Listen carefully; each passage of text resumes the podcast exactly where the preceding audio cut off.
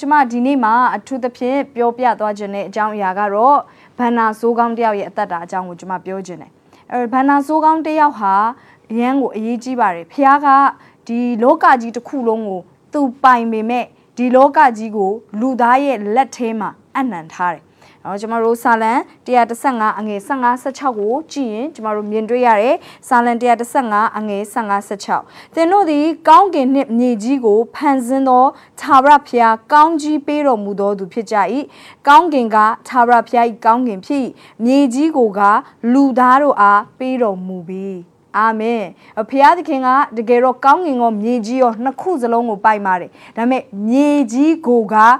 လူသားတို့အားပေးတော်မူပြီအဲ့တော့ကျမတို့ကိုဖခင်သခင်ကဒီမြေကြီးကိုအုပ်ဆိုးဖို့ရန်အတွက်ခံအပ်ထားတယ်ဟာလေလုယမိတ်ဆွေဒီအရာရဲ့နတ်နဲမှုကိုခဏလောက်သင်စဉ်းစားကြည့်ပါမြင်အောင်ကြည့်ပါ ဖခင်ကကျမတို့ကိုဘလောက်တောင်မှယုံကြည်စိတ်ချလဲဆိုတာကိုကျမတို့မြင်တွေ့ရတယ်အဲ့တော့ကျမတို့ကိုယ့်ကိုယ်ကိုနော်အညတရလိုမျိုးကျမတို့မမြင်ဖို့ရန်အတွက်လိုတယ်ဒီမြေကြီးမှာကိုယ့်ကိုယ်ကိုအတိတ်ပဲမဲ့စွာနဲ့ရောက်နေတဲ့လူတယောက်လိုမျိုးမမြင်ဖို့ရန်အတွက်လိုတယ်ကျမတို့ဖခင်သခင်ကဒီလိုကြီးမားတဲ့အလုပ်တွေကိုအပ်အနှံထားတယ်ဒီလိုကြီးမားတဲ့အမှုတွေကကျမတို့အားဖြင့်ဖခင်ပြုတ်ခြင်းနဲ့ဆိုတာကျမတို့သိပြီးတော့သွာလာဖို့ရန်အတွက်လိုအပ်တယ်ဟာလေလုယာဟာလေလုယာအဲ့တော့နော်ဖခင်ရဲ့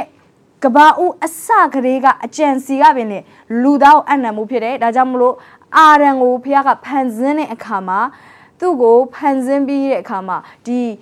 အေဒင်ဥယျင်တစ်ခုလုံးကိုသူ့ရဲ့လက်ထဲမှာအနံ့တယ်။ကပောက်ကျန်ခန်းကြီးနှစ်အငယ်15မှာထိုအခါသာရရှင်ဖျားခင်သည်လူကိုယူ၍အေဒင်ဥယျင်ကို ပြုစုစောင့်ရှောက်စေခြင်းကထားတော်မူ၏။အာမင်။အဲ့တော့ဖျားကလူကိုအေဒင်ဥယျင်ကို ပြုစုစောင့်ရှောက်ဖို့ရန်အတွက် ထားတယ်။သဘောကတော့အေဒင်ဥယျင်ကိုအာရန်ရဲ့လက်ထဲကိုဖျားသခင်အနှံ့တယ်။မြေကြီးကိုလူသားရဲ့လက်ထဲကိုဖျားသခင်အနှံ့တယ်။အဲကျမတို့ဟာဒီမြေကြီးကိုအုပ်ဆိုးဖို့ရန်အတွက်ဖျားသခင်ထားထားတဲ့သူတွေဖြစ်တယ်။ဒီနေ့ကျမဟာရှင်ဘုရင်အမျိုးတွေဖြစ်တယ်။အုပ်ဆိုးရမယ့်သူတွေဖခင်ရဲ့နိုင်ငံတော်ရဲ့ kings and queens တွေဖြစ်တယ် hallelujah amen အဲ့တော့ဒီမြေကြီးဒီကျမတို့အသက်ရှင်သမျှကာလပတ်လုံးမှာမြေကြီးမှာရှုံးနေသူဖြစ်ကျမတို့အသက်ရှင်ဖို့ဖခင်အလိုမရှိဘူးအောင်မြင်သူဖြစ်အသက်ရှင်ဖို့ရတဲ့ဖခင်အလိုရှိရဲ့ဒီအပြင်ဘန္နာဇိုးကောင်းတယောက်လိုပဲမြေကြီးကိုတိုးပွားအောင်လုပ်ဖို့ hallelujah ယေရှုအာ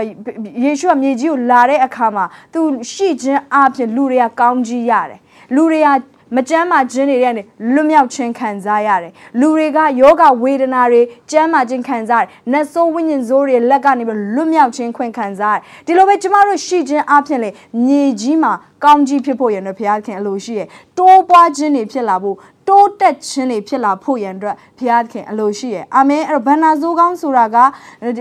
အခြေအနေတွေကိုဒီတိုင်းပဲထိမ့်သိမ်းထားတဲ့သူမျိုးကိုပြောတာမဟုတ်ဘဲနဲ့ဘန္နာဇိုးကောင်းဆိုတာသူ့လက်ထဲမှာအနံထားတဲ့အရာတွေတိုးပွားအောင်လုပ်နိုင်တဲ့သူဖြစ်တယ်အဲ့ဒါသင်နဲ့ကျမဖြစ်ရမယ်အာမင်ပြောပါအောင်ငါကဖခင်အနံထားတဲ့အရာတွေတိုးပွားအောင်လုပ်မဲ့သူဖြစ်တယ်အာရန်ကိုဖခင်အနံတဲ့အခါမှာဖခင်တကယ်အချင်းတို့များပြားစွာမွေးချမွေး ဖွာကြလော့မြေကြီးတစ်ပြင်လုံးကိုပြည့်စေ၍နိုင်ကြလော့လို့ပြောတယ်။တဘောကတော့တိုးပွားအောင်လုပ်ပါ။အာမင်။အဲ့တော့ဒါဟာကျမတို့ရဲ့ဖခင်သခင်ခေါ်ထားတဲ့ခေါ်ခြင်းဖြစ်တယ်။အဲ့ဒီဘန္နာဆိုးကောင်းတယောက်အဖြစ်ကျမတို့ဘယ်လိုမျိုးဒီမြေကြီးမှာအုပ်ဆိုးမလဲ။ဖခင်သခင်ပေးထားတဲ့မြေကြီးထဲမှာမြေကြီးပေါ်မှာဘန္နာဆိုးကောင်းတယောက်ဖြစ်အသက်ရှင်မယ်ဆိုရင်တော့ကျမတို့နားလည်ရမယ့်အရာတစ်ခုရှိ။အဲ့ဒါကတော့ဘန္နာဆိုးကောင်းဆိုတာကနော်ကျမတို့အလုတ်လုတ်ဖို့ရန်အတွက်လိုတယ် โอเคအဲ့တော့ဘန်နာဇိုတယောက်ဆိုတာဒီတိုင်းပဲညက်လုံးနဲ့ထိုင်ကြည့်တာမဟုတ်ဘူးခုနကကျွန်မပြောသလိုပဲတိုးပွားအောင်လုပ်ရမှာဖြစ်တဲ့အတွက်ကြောင့်မလို့အလုပ်လုပ်ရတယ်အဲ့တော့ဘန်နာဇိုးဆိုတဲ့အရာဟာကျမတို့ကြည့်မယ်ဆိုရင်ရှုထောင့်နှစ်ခွနဲ့ကျမတို့ကြည့်လို့ရတယ်ပုံစံနှစ်မျိုးနဲ့လာလို့ရတယ်တစ်မျိုးကတော့အုပ်ဆိုးတဲ့ဘန်နာဇိုးမျိုးအလုတ်ကိုအုပ်ဆိုးတဲ့သူအလုတ်ကိုခွဲခန့်တဲ့သူ ဘန္နာဇိုးမျိုးဒါမှမဟုတ်ရင်နောက်ထပ်ဘန္နာဇိုးမျိုးကတော့အလုတ်ကအုပ်ဆိုးခြင်းခံရတဲ့ဘန္နာဇိုးမျိုးအလုတ်လုတ်တယ်လုတ်တယ်လုတ်တယ်ဒါပေမဲ့အလုတ်ကသူ့ကိုဝါမျိုးထားတယ်အဲသူကအသုံးချခြင်းခံရတဲ့သူဖြစ်လာတယ်နောက်ထပ်ဘန္နာဇိုးမျိုးကကြတော့အလုတ်ကိုသူကအုပ်ချုပ်တဲ့သူအလုတ်ကိုသူကခွဲခန့်တဲ့သူသူသူကအသုံးချခြင်းခံရတာမဟုတ်ဘူးသူကအသုံးချတာဖြစ်တယ် အာမင်အဲ့တော့ကျမတို့ဒီဘန္နာဇိုးလို့ပြောတဲ့အခါမှာဒီပုံစံနှစ်မျိုးတွေကဘလို့ဘန္နာဇိုးမျိုးဖြစ်ချင်လဲဆိုတာရွေးချယ်ပါအချို့လူတွေကအအသုံးချခြင်းခံရတဲ့ဘန္နာဇိုးမျိုးဖြစ်နေတယ်ဒါမိုက်မဲတဲ့ဘန္နာဇိုးတွေဖြစ်တယ် ဘုရားကတော့ကျမတို့ကိုအဲ့လိုဘန္နာဇိုးမျိုးဖြစ်ဖို့ရန်အတွက်ရွေးချယ်ထားတာမဟုတ်ဘူးကိုယ့်ကိုမိုက်မဲလို့အဲ့လိုဘန္နာဇိုးမျိုးဖြစ်နေတာအချို့တွေကလောကကိုလာတာအလုတ်လုတ်တယ်လုတ်တယ်အလုတ်ကသူတို့ကိုပြန်ပြီးတော့နိုင်နေတယ်အသူတို့ကလူတွေရဲ့အသုံးချခြင်းခံရတဲ့သူအလုတ်ရဲ့အသုံးချခြင်းခံရတဲ့သူတွေဖြစ်နေတယ်အဲ့တော့ဘုရားကအဲ့လိုမျိုးဖြစ်ဖို့မဟုတ်ဘန္နာဇိုးဆိုတာတနည်းအားဖြင့်ပြောမယ်ဆိုအုတ်ချုပ်တော်သူအလုတ်ကိုသူတို့ကခွဲခန့်တာ အာမင်အဲ့တော့ဖခင်ကကောင်းတဲ့ဘန္နာဆိုးဖြစ်စေခြင်းနဲ့အဲ့တော့ကျမတို့အလုတ်လုတ်ချင်းဆိုတာအကြောင်းကိုကျမတို့အနေငယ်ပထမဦးဆုံးကြည့်အောင်အလုတ်လုတ်ချင်းဆိုတာကျမ်းစာရဲ့နိယာမတစ်ခုဖြစ်ပါတယ်အဲ့တော့ဘန္နာဆိုးတွေကအလုတ်လုတ်တယ်အလုတ်လုတ်တယ်ဆိုတာကစိုးတဲ့အရာမဟုတ်ပါဘူး ကျမ်းစာရဲ့နိယာမဖြစ်ပါတယ်အေဖောရစာခန်းကြီးလေးအငယ်28မှာဒီလိုပြောတယ်ခိုးတက်သောသူသည်နောက်တစ်ဖန်မခိုးပဲဆင်းရဲသောသူအားပေးကမ်းဝေငှရန်ရှိစေခြင်းကမိမိလက်နှင့်ကောင်းသောအလုပ်ကိုလှုပ်ဆောင်အားထုတ်စေအာမင်ဒါကျမ်းစာကိုက အလုတ်လုတ်ဖို့ရန်အတွက်အားပေးထားတယ်ဆိုတာကိုကျမတို့မြင်ရတယ်အလုတ်မလုတ်ဘူးဆိုရင်ခိုးမိလိမ့်မယ်အလုတ်မလုတ်ဘူးဆိုလို့ရှိရင်အလကားလိုချင်တဲ့စိတ်အချောင်စိတ်เนาะအလကားလိုချင်တဲ့စိတ်ကလူတွေရဲ့အထဲကိုဝင်လာမယ်ဆိုတာသိတယ်အဲဒါမို့ spiritual principle ဖြစ်ပါတယ်ဒါဝိညာဉ်ရေးရာနိယာမတစ်ခုဖြစ်ပါတယ်အလုတ်လုတ်ချင်းဆိုတာဒီလူရဲ့ဘဝကိုဖြောင့်မတ်စွာကောင်းမွန်စွာတိဆောက်ဖို့ရန်အတွက်အရေးကြီးတဲ့အပိုင်းမှာပါဝင်ပါတယ် အာမင်အဲ့ဒါမို့အလုတ်ကစိုးတဲ့အရာတခုမဟုတ်ဘူးဆိုတော့ကျွန်တော်တို့သိဖို့လိုအပ်တယ်အလုတ်ကဝိညာဉ်ရေးရာဖြစ်ပါတယ်ပြောပါအောင်အလုတ်ကဝိညာဉ်ရေးရာဖြစ်တယ်အကယ်လို့ကျမတို့ဒီအလုတ်ကိုဝိညာဉ်ရေးရာလို့မြင်တယ်ဖယားကိုယ်တိုင်ကခိုင်းတာဖယားကိုယ်တိုင်ကခန့်အပ်တာလို့မြင်နေဆိုရင်သင်ကလုပ်ငန်းဝင်ထဲမှာပျော်တဲ့သူတယောက်ဖြစ်လာလိမ့်မယ် ဟာအခုခက်မှာလူတွေကအလုပ်လုပ်ရတာမပြောဘူးဖះเจ้าလာတဲ့ Sunday တရက်ပဲသူတို့ဘဝမှာပြောတယ်။တနင်္လာနေ့ကနေပြီးတော့တောက်ကြနေ့ကသူတို့ဘဝမှာငရဲလိုခံစားနေရတဲ့လူတွေအများကြီးပဲ။အချို့အသင်းသားတွေကျမတို့လာပြောတယ်ဆရာမကြီးဖះเจ้าမှာအရန်ပြောတယ်။ဖြစ်နိုင်လို့ရှင်ဖះเจ้าမှာပဲနေခြင်းနဲ့အာဒါပေမဲ့ ကျမတို့ကိုပြောတယ်တကယ်တော့ဖះเจ้าမှာပဲတင်ပြောမှာမဟုတ်ဘူး။24နာရီ9ရက်တော့ကျမတို့ခွန်ခွန်တပတ်လုံးမှာပြောတဲ့နဲ့တစ်လလုံးမှာပြောတဲ့နဲ့365ရက်စလုံးပြောဖို့ရန်အတွက်လိုအပ်တယ်။ဘာဖြစ်လို့လဲဆိုတော့လုပ်ငန်းထဲမှာလည်းဖျားသခင်ရှိနေတယ်အလုတ်ကိုဖျားခန့်အပ်တဲ့နေရာလို့ကျမတို့မြင်မယ်ဆိုရင်သင်ဘဝနေ့တိုင်းမှာပျော်ရွှင်နိုင်မှာဖြစ်တယ် အာမင်အဲ့တော့အလောက်ကဝိညာဉ်ရေးရဖြစ်တယ်ဘာလို့လဲဆိုတိမောသေဩရစာဒုတိယဆောင်အခန်းကြီး2အငယ်27မှာဒီလိုပြောတယ်တို့ဖြစ်၍အထက်ဆိုခဲ့ပြီးတော့အကျင့်တို့ကိုပယ်၍မိမိကိုစင်ကြယ်စေသောသူမိဒီကအသေးရှိသောတစားတန်ရှင်း၍အိမ်ရှင်သုံးစရာကောင်းသောတစားကောင်းသောအမှုများအဖို့အလို့ငါပြင်ဆင်သောတစားဖြစ်လိမ့်မည်အာမင်အဲ့တော့ဒီမှာကောင်းသောအဖို့အမှုများအဖို့လို့ငါလို့ပြောတဲ့အခါမှာ ကောင်းသောအမှုဆိုတဲ့အလုတ်တွေကိုလုတ်ဖို့ရန်အတွက်ကျမတို့ကိုဖခင်ကတန့်ရှင်းပေးထားတယ်။ဖခင်ကကျမတို့တန့်ရှင်းပေးတဲ့အခါမှာကျမတို့ဒီပြန်လေပြီးတော့ကောင်းတဲ့အလုပ်တွေကိုလုပ်ဖို့ရန်အတွက်တာဝန်ရှိရဲ့။လောကကြီးမှာကျမတို့ကအပျော်ခီးလာတာမဟုတ်ပါဘူး။ဖခင်သခင်ရည်ရွယ်ချက်နဲ့မြေကြီးကိုကျမတို့ရောက်နေကြတယ်။ဖခင်ရဲ့ရည်ရွယ်ချက်ပြည့်စုံဖို့ရန်အတွက်ကျမတို့လုပ်ရအောင်မယ်။ပြောပါအောင်ဖခင်ရည်ရွယ်ချက်ပြည့်စုံမှုလုပ်ရမယ်။အာမင်။အဲ့တော့အလုပ်ဒီဖခင်သခင် ခိုင်းထားတဲ့အရာဖြစ်ပါတယ်အာရန်အလုပ်လုပ်ရတယ်အာရန်ဖန်ဆင်းပြီးတဲ့အခါမှာဖခင်ခင်ကအေဒင်ဥယျင်ကိုကြည့်ရှုစောင့်ရှောက်ဖို့ရန်အတွက်အနံ့တယ်မြင်အောင်ကြည့်ပါโอเคအာရန်မွေးဖွားပြီးတဲ့အာရန်ဖန်ဆင်းပြီးတဲ့အခါမှာဖခင်ကပြောတယ်အာရန်ဒီနေ့စပြီးတော့မင်းမအလုပ်ရှိရယ်မင်းရဲ့အလုပ်ကတော့အေဒင်ဥယျင်ကိုစောင့်ရှောက်ရမယ်အေဒင်ဥယျာဉ်ထဲမှာရှိအပင်တွေကိုကြီးထွားအောင်လုပ်ရမယ်။အေဒင်ဥယျာဉ်ထဲမှာရှိငါးတွေတရိတ်ဆန်တွေကို ကြီးထွားအောင်များပြားအောင်လုပ်ရမယ်။တိုးပွားအောင်လုပ်ရမယ်။မိတ်ဆွေအဲ့ဒီအလုပ်ကတကယ်ပင်ပန်းတဲ့အလုပ်ဖြစ်တယ်။စိုက်ပျိုးရင်းနဲ့မွေးမြူရေးကဘာမှာလည်းသူတယောက်ပဲရှိရလုပ်ရမယ်အလုပ်က။နော်သူနဲ့သူမိန်းမနှစ်ယောက်ပဲရှိရ။သူနဲ့အေးဝါနဲ့နှစ်ယောက်တည်းကဒီစိုက်ပျိုးရေးရောမွေးမြူရေးရောတပြိုင်နက်တည်းလုပ်ရမယ်ဆိုတာဒါဟာတကယ်ကိုကြီးမားတဲ့လုပ်ငန်းတစ်ခုဖြစ်တယ်ဆိုတော့ကျမတို့မြင်ရတယ် ဟုတ်လားမဟုတ်ဘူးလားအချို့တော့မှမွေးမြူရေးလုပ်ရင်စိုက်ပျိုးရေးမလုပ်နိုင်စိုက်ပျိုးရေးလုပ်ရင်မွေးမြူရေးမလုပ်နိုင်အဲအဲ့နှစ်ခုလုံးလုပ်မယ်ဆိုရင်တော့အလုပ်သမားလိုတယ်အဲ့အလုပ်သမားလည်းချက်ချင်းမရှိသေးအေးဝခလေးမွေးမယ်ဆိုလဲဒါဘာပဲဖြစ်ဖြစ်6လလွယ်10လဖွာလုပ်ရအောင်မှာနော်ကျမတို့မြင်အောင်ကြည့်မယ်ဆိုရင်အားရနဲ့အေးဝဟာအလုပ်ကိုဖျားပေးတယ်ဆိုတာမြင်ရအဲ့တော့သူတို့အလုပ်လုပ်တာအိမ်ငှားခါရဖို့အတွက်အလုပ်လုပ်တာမဟုတ်ပါဘူးအာရနဲ့အေဝါအဲ့တော့အင်ငါခမလို့ဖြစ်တယ် အမင်းသူတို့ပဲအိမ်ရှင်သူတို့အိမ်ငါကပေးစရာလူလည်းမရှိဘူးဘုရားသခင်ပဲပေးစရာရှိရဟာလေလုယာအာမင်သူတို့အိမ်ငါကပေးစရာမလိုပါမီတာဘယ်လည်းပေးစရာမလို wifi ပိုးလည်းပေးစရာမလိုဘူးကျေးဇူးတော်ပဲဟာလေလုယာနော်ကားတွေပါတွေနော်သူတို့အကျွေးစနစ်နဲ့ယူထားတာလည်းမရှိပါဘူး insurance ဘိုးတွေအာမခံကြေးတွေနော်အကျွေးနဲ့ဝယ်ထားတဲ့ပစ္စည်းတွေဖုန်းတွေ wish or set တွေအကျွေးနဲ့ဝယ်ထားတာကွန်ပျူတာတွေအကျွေးနဲ့ဝယ်ထားတာရှိလို့အလုပ်လုပ်ရတာမဟုတ်ပါဒီခေတ်မှာလူတွေကအလုပ်လုပ်တာဘာကြောင့်လုပ်လဲဆိုရင်အကျွေးပေးနိုင်ဖို့အလုပ်လုပ်တယ်လို့မြင်ကြတယ်လူတွေကအာဘာဖြစ်လို့အလုပ်လုပ်ရလဲဟာငါဟိုပစ္စည်းတော့ဖိုးပေးရစရာရှိလို့ကားဖိုးချေရစရာရှိသေးလို့ငါငါသမီးရဲ့ကြောင်းဖိုးပေးစရာရှိသေးလို့ငါအလုပ်လုပ်နေတာဆိုတဲ့အပေါ်မှာသွားတယ် အဲဒါကြောင့်မို့လို့အလုတ်ကသူတို့အတွက်ပျော်စရာကောင်းမဲ့နေရာဖြစ်ရမယ့်အစားအလုတ်ကသူတို့အတွက်နော်အမင်္ဂလာခံစားတဲ့နေရာလိုမျိုးနော်တစုံတစ်ယောက်ကြောက်မို့လို့တစုံတစ်ခုကိုဝယ်ထားလို့တစုံတစ်ခုကိုပြည့်စုံအောင်လုပ်ဖို့ရန်အတွက်သာအလုတ်လုပ်နေရတယ်လို့ထင်နေကြတယ်တကယ်တော့အာရန်အလုတ်လုပ်တာဘီလ်ဘိုးပေးရမှာရှိနေလို့မဟုတ်ပါဘူးအာရန်အလုတ်လုပ်တာကသူ့ကိုဖျားဖန်ဆင်းထားတဲ့ရည်ရွယ်ချက်ပြည့်စုံဖို့ရန်အတွက်အာရန်အလုတ်လုပ်ရတာဖြစ်တယ်မိတ်ဆွေသင်အလုတ်လုပ်တာက bill ပေးဖို့ရန်အတွက်မျှတာဖြစ်နေသေးတယ်ဆိုရင်တော့ဖယားသခင်မြင်စေခြင်းတဲ့အပိုင်းကိုသင်မမြင်သေးဘူးဖြစ်တယ်ဖယားသခင်မြင်စေခြင်းတဲ့အပိုင်းက သင်အလုံးလုံးတာဒီသူ့ရည်ရွယ်ချက်ပြည့်စုံဖို့ရန်အတွက်ဖြစ်တယ်ပြောပါအောင်ကျမနဲ့ဒူဝင်ခံပါအောင်ဖယားသခင်ရည်ရွယ်ချက်ပြည့်စုံဖို့ရန်အတွက်ဖြစ်တယ်အဲ့ဘန်နာဇိုးကောင်းတယောက်ဆိုတာကအလုပ်လုပ်อ่ะအဲ့လိုအဲ့ဒီအလုပ်ကိုလုပ်တဲ့အခါမှာဖယားသခင်ထားရတဲ့ရည်ရွယ်ချက်ပြည့်စုံဖို့ရန်အတွက်လုပ်ရတာအာမင်အဲ့တော့အလုပ်ကဖယားသခင်အာရန်ရဲ့အထဲထဲမှာထည့်ထားပေးတဲ့အည်သွေးတွေကိုတိုးတက်စေတယ် မိတ်ဆွေသိလားသင်နဲ့ကျမဟာအည်ချင်းနဲ့ပြေဝသောသူတွေဖြစ်တယ်ဘယ်တယောက်ကမှအည်ချင်းမရှိတဲ့သူဆိုတာမရှိတယောက်နဲ့တယောက်အည်ချင်းတွေတော့မတူကြ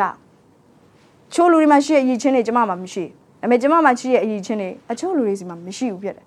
အဲ့ကျမတို့ဘယ်တယောက်ကမှဖះဖန်ဆင်းလိုက်တဲ့အခါမှာအသုံးမကျဘဲနဲ့နော်ဖះကအမိုက်တရိုက်တွေမြေကြီးပေါ်မှာဖန်ဆင်းထားတာမဟုတ်ပါ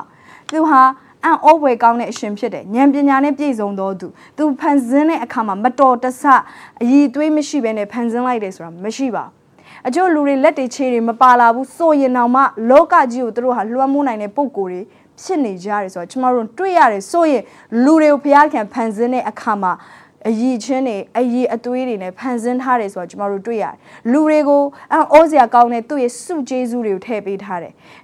ဝိညာဉ်ရေးရာစုကျေးဇူးတွေလည်း ပေးသေးတယ်တန်ရှင်သောဝိညာဉ်တော်နဲ့ပြေးဝလာတဲ့အခါမှာသင်ရဲ့တက်တာမှာနော်အည်ချင်းတွေဒါမကဘူးဝိညာဉ်စုကျေးဇူးတွေပါရရှိလာဟာလေလုယာအဲကျမတို့အားလုံးဟာလူရလို့ဖြစ်လာလို့ရှင်လူတိုင်းဟာအည်ချင်းတွေရှိကြတယ်လူတိုင်းမှာဖျားပေးထားတဲ့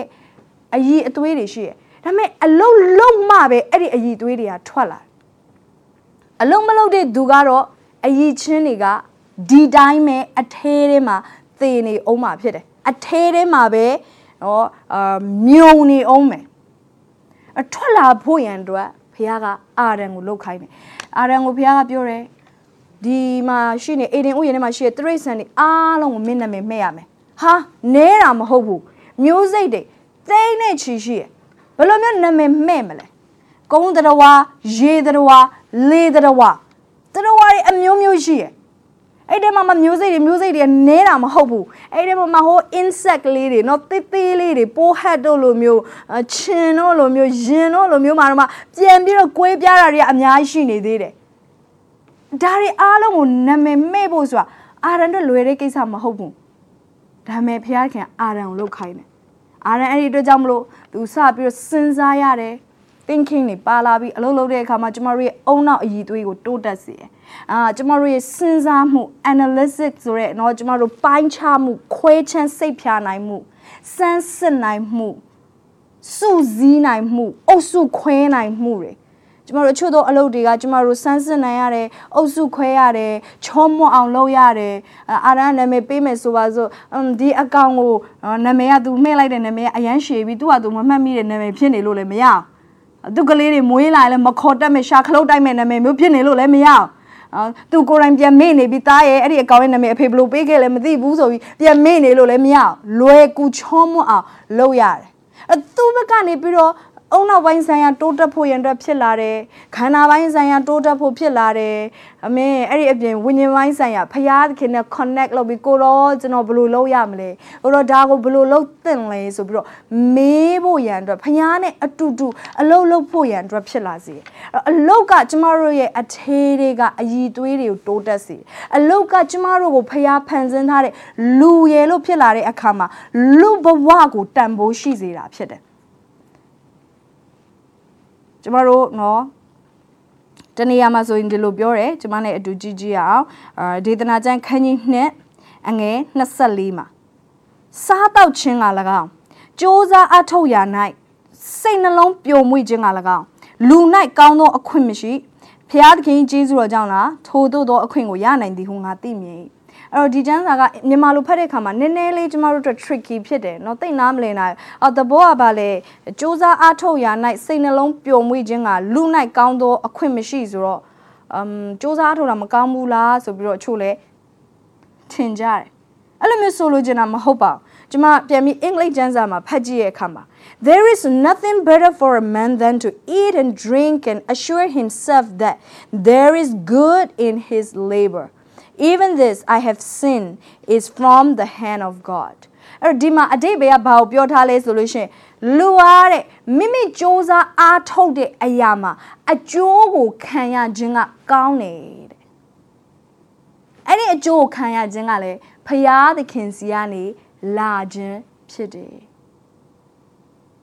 ကျမတို့စ조사အားထုတ်တဲ့အခါမှာ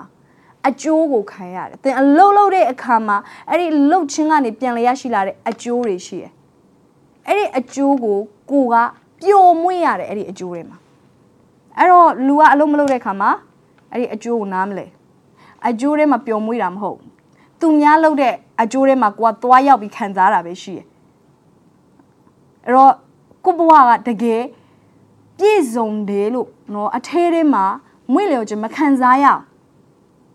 အဲ့ဒီခါမှာဘာဖြစ်လဲဆိုဖယားသခင်စီကနေလာတာလို့လေသူမခံစားတော့အဲကြောင့်အချို့လူတွေက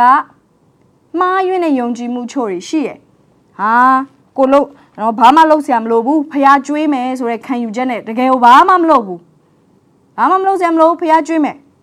အဲ့လိုမျိုးသူတို့ယုံပြီးတော့ဟောသူတို့သွားကြတယ်ဘာမှမလုပ်တဲ့အခါမှာသူများအိမ်မှာတော့ကတ်စားလို့ရပါတယ်ရပါတယ်နော်ဒါပေမဲ့ဘာမှမလုပ်တဲ့အခါ ဘဝကသေလူလိုပဲဖြစ်လာသေလူလိုပဲဘာမှတိုးတက်တာမရှိဘူးကိုယ့်ရဲ့အထဲတွေကအရေးချင်းတွေမတိုးတက်လာတော့ကိုယ့်ရဲ့အထဲတွေကဖျားပေးထားတဲ့စုကျေးဇူးတွေမတိုးပွားလာတော့ကိုယ့်ဖျားပေးထားတဲ့ဉာဏ်တွေထက်မြက်မှုတွေမရှိတော့တုံးသွားတယ်ပိုကောင်းဘလို့လုပ်ရမလဲဆိုတော့စဉ်းစားစရာမရှိတော့အလုံးမလုပ်တဲ့အခါမှာကိုယ်တဖြည်းဖြည်းနဲ့ဘလို့ခံစားလဲဆိုတော့ဟာငါအသုံးမဝင်ဘူးလားဆိုပြီးတော့ ကိုယ့်ကိုယ်စမြင်လာတယ်အဲ့ဒီကနေပြီး depression တွေဖြစ်လာတယ်စိတ်တက်ကြလာတယ်လူတွေကိုအပြစ်တင်လာတယ်ဘဝကိုအပြစ်တင်တဲ့သူဖြစ်လာတယ်အဲ့ဒါအားလုံးရဲ့အစပါတယ်ငါဘာမှမလုပ်စရာမလိုဘူးလို့လွဲမစွာမြင်တာကနေစတာဖြစ်တယ်အဲ့ညီကိုမောင်နှမတို့ဒါကြောင့်မလို့ဒေသနာဆရာကပြောတယ်ကိုလုတ်တဲ့အခါမှာအကျိုးကိုခံစားရတယ်အဲ့ဒီလိုမျိုးခံစားတဲ့အခါမှာအထဲထဲမှာပျော်မွေ့ခြင်းရှိရအဲ့ဒါဟာကောင်းတယ် ငါငါဒီတလားလုံးကစူးစမ်းတဲ့အတွက်ကြောင့်အဲ့ဒီစူးစမ်းမှုအတွက်ရလက်ပြန်ရလာတယ်အဲ့ဒီအရာပုံမှာမွေးလျော်ပါမွေးလျော်ပါလို့ပြောတဲ့အခါမှာဖယားသခင်ကျမ်းမာခြင်းပေးလို့ငါဒီအလုပ်ကိုလုပ်နိုင်တာဖြစ်တယ်ဖယားသခင်ငါ့ကိုခွန်အားပေးလို့ငါလုပ်နိုင်တာဖြစ်တယ်ဖယားသခင်ငါ့ကိုဉာဏ်ပညာပေးလို့လုပ်နိုင်တာဖြစ်တယ်ဆိုတော့သင်မြင်လာလိမ့်မယ်အဲဒါကြောင့်မို့သင်ဟာမွေးလျော်နိုင်တယ်အဲ့ဒီထဲမှာဖယားခင်ဒါကြောင့်မို့လူကိုဖန်ဆင်းတဲ့အခါမှာအာရန်ကိုအလုတ်ပေးတယ်ဒီနေ့ကျမတို့ကိုလည်းအလုတ်ပေးတယ်အဲ့ တော့အလုတ်ဒီအမင်္ဂလာမဟုတ်ဘူးအလုတ်ဒီကြင်ချင်းမဟုတ်ပါဘူးเนาะကျမတို့အလုတ်ကိုအုပ်ဆိုးခြင်းနဲ့လုပ်တယ်ဆိုရင်အလုတ်ကကြင်ချင်းအမင်္ဂလာမဟုတ်ဒါပေမဲ့အလုတ်ကသင်အတုံးချခံရတဲ့သူတယောက်အနေနဲ့လုပ်တယ်ဆိုရင်တော့အတုံးချခံရတဲ့လူတယောက်ဆိုတာဘယ်သူမှသင်အတုံးချတာမဟုတ်ဘူးကိုယ့်ရဲ့အမြင်ကကိုယ့်ရဲ့ mindset ကငါကအခိုင်းခံရတာငါကအတုံးချခြင်းခံရတာဆိုတဲ့အမြင်နဲ့ ကိုယ့်ရဲ့အမြင်ပဲဘယ်သူမှမသိအောင်လို့မြင်လို့ဟုတ်ချင်မှဟုတ်လိမ့်မယ်သင်အလုပ်ရှင်ကအဲ့လိုမျိုးသင်မြင်ချင်မှမြင်လိမ့်မယ်သင်သင်လုံနေတဲ့နေရာသင်အဲ့လိုမြင်ချင်မှမြင်လိမ့်မယ်ဒါပေမဲ့ကိုကကိုယ့်ကိုအဲ့လိုမြင်နေဆိုရင်တော့အလုတ်ကပြောစရာကောင်းတဲ့နေရာဖြစ်လာမှာမဟုတ်အဲ့တော့အလုတ်ကိုသင်အုပ်ဆိုးမှုနဲ့လုပ်တယ်ဆိုရင်တော့အလုတ်ထဲမှာသင်ဟာပျော်လိမ့်မယ်အလုတ်ကအမင်္ဂလာမဟုတ်ဘူးဝိညာဉ်ရေးရအရာဖြစ်တယ်ဖရာသခင်ခန့်အပ်တာဆိုတာမြင်လိုက်ရင်သင်ဟာ Monday to Sunday ပျော်နိုင်တဲ့သူဖြစ်လာလိမ့်မယ် ဟာလေလုယာ Sunday တရက်ပဲပျော်တဲ့သူမဟုတ် Monday to Sunday ပျော်တဲ့သူဖြစ်လာလိမ့်မယ်အလုတ်ကပျော်ရွှင်ဖို့ရန်အတွက်လုပ်ရတာဖြစ်တယ်အလုတ်ကဖရာသခင်ရဲ့ရည်ရွယ်ချက်ပြည့်စုံလာဖို့ရန်အတွက်လုပ်ရတာဖြစ်တယ်ဖခင်ရဲ့ရည်ရွယ်ချက်ကတင်တိုးပွားလာဖို့သင်ရဲ့အတွေးခေါ်တွေတိုးတက်လာဖို့သင်ရဲ့အရည်သွေးတွေတိုးတက်လာဖို့သင်အဖြစ်တိုးပွားဖို့များပြားဖို့ဟာလေလုယာအာမင်အဲ့တော့အဲကျမတို့ ဖယားခင်ကိုယ်တိုင်ကအလုတ်ကိုအနံနဲ့အလုတ်ကိုအနံပြီးတဲ့အခါမှာလဲကောင်းကြီးပေးတယ်တိုးပွားခြင်းရှိစေလို့ပြောတယ်တဘောကတိုးပွားဖို့ဖယားခင်မျှော်လင့်တယ်မှတ်ထားပါညီကောင်မောင်မတို့ကျမတို့လှုပ်ဆောင်တဲ့အလုပ်တွေအားလုံးကပြန်လဲစစ်ဆေးခြင်းခံရလိမ့်မယ်တနေ့မှာအဲ့ဒီခါမှာဖခင်ကစစ်တဲ့ခါမှာတိုးပွားခြင်းရှိလားဆိုတာကိုစစ်မှာဖြစ်တယ်ဖခင်စစ်မှာ နော်ရှင်လူကာခရစ်ခန်းကြီး16အငယ်12 73မှာနော်ကျမတို့မြင်ရတယ်အမတ်တယောက်ဒီမင်းကြီးရောက်ခံလို့ရိပ်မိမိပြည်သို့ပြန်လာမည်ဟုအကြံရှိလျက်ဝေးသောပြည်သို့သွား၏မသွားမီမိမိငယ်သားတစ်ကြိတ်ကိုခေါ်လျက်ငွေတပိတ်သားစီအပ်ပေးလျက်ငါပြန်၍မလာမီတိုင်အောင်ကုံသွေခြင်းအမှုကိုပြုကြလောဟုမှာထား၏အဲ့တော့သူနော်အဲ့ဒီမှာအမတ်တယောက်ရှိရဲသူကလူသူ့ရဲ့ လူ10ယောက်ကိုခေါ်ပြီးတော့ငွေတပိတ်သားစီအပ်ပေးတယ်ပြန်လာမပြန်လာခင်အထိကုံသွေခြင်းအမှုကိုပြုပါကုံသွေခြင်းအမှုကိုပြုပါဆိုတဲ့အဓိပ္ပာယ်ပါလေအလုတ်လုတ်ပါကျမတို့ကိုလည်းဖရာသခင်ကအလုတ်လုတ်ဖို့ရန်အတွက်ထားထားတယ်မြေကြီးမှာကျမတို့ဖရာသခင်ကုံသွေဖို့ရန်အတွက်အရင်နှီးတွေပေးထားတယ်အရင်နှီးတွေကဘာလဲ သင်ရဲ့စုကျေးဇူးတွေသင်ရဲ့အခွင့်အရေးတွေသင်တို့ဖခင်မိတ်ဆွေတွေပေးထားတယ်သင်ကိုနေရာချထားတယ်ကျမတို့ရှိနေတဲ့နေရာရှိနေတဲ့အည်သွေးရှိနေတဲ့မိတ်ဆွေတွေအခွင့်အရေးတွေအားလုံးကကျမတို့ကိုဖခင်ပေးထားတဲ့ဒီငွေတွေဖြစ်တယ်ဒါနော်ဒီမှာတော့ငွေလို့ပြောတယ်ဒါကတော့ကျမတို့ဘဝမှာဖခင်ပေးထားယင်းနှမြုံနှံမှုတွေဖြစ်တယ်ပြန်လဲလာလဲလာရောဒီအမတ်ကသူ့ရဲ့တပည့်တွေကိုမေးတယ်အမ10ယောက်ရှိတယ်တစ်ချိန်ဆိုတော့10ယောက်ရှိတယ် ကဲမင်းတို့ဘလောက်တိုးပွားလဲလို့မေးတယ်တနေ့ကျရင်လဲယေရှုကကျမတို့မေးမှာငါမင်းကိုအနံထားတဲ့အရာတွေတိုးပွားအောင်မင်းဘာလုပ်ခဲ့လဲဘာလုပ်ခဲ့လဲလို့တကယ်မေးမှာဖြစ်တယ်ရဘနာဇိုးကောင်းတယောက်အနေနဲ့ကျမတို့ကတရက်မှာဖခင်ရဲ့ရှေ့မှာမတ်တက်ရက်ပြီးတော့ကျမတို့လုပ်ခဲ့တဲ့အရာတွေပြန်ပြရမှာဖြစ်တယ်အာမင်အဲ့တော့အလုတ်ကအမင်္ဂလာမဟုတ်ဘူးအလုတ်လုပ်ဖို့ဖခင်မျှော်လင့်နေဆိုတာကိုကျမတို့ဒီမှာတွေ့ရတယ်အာမင် အဲ့တော့အချို့ကပြောတယ်ဟာကျွန်တော်စေစတိုးပေါအောင်လုပ်ပါတယ်အခွက်30ရပါတယ်အဲ့နဲ့အဲ့အမတ်ကအဲ့ဒီလူထပ်ပြီးတော့မြို့10မြို့အုပ်ဆိုးဖို့ရန်အတွက်ပေးအာနောက်တစ်ယောက်ပြောတယ်ကျွန်တော်ကတော့ငါးစတိုးပေါအောင်လုပ်နိုင်တယ်ဒါနဲ့မြို့9မြို့ကိုအုပ်ဆိုးနိုင်ဖို့ရန်တူပေးဒါပေမဲ့သူတို့ထဲမှာနောက်တစ်ယောက်ကကြတော့ဘာမှတိုးပွားမလို့အဲ့ဒီပေးခဲ့တဲ့ငွေတွေကိုမြေကြီးထဲမှာသွားမြုပ်ထားအဲ့ဒီခါမှာသခင်က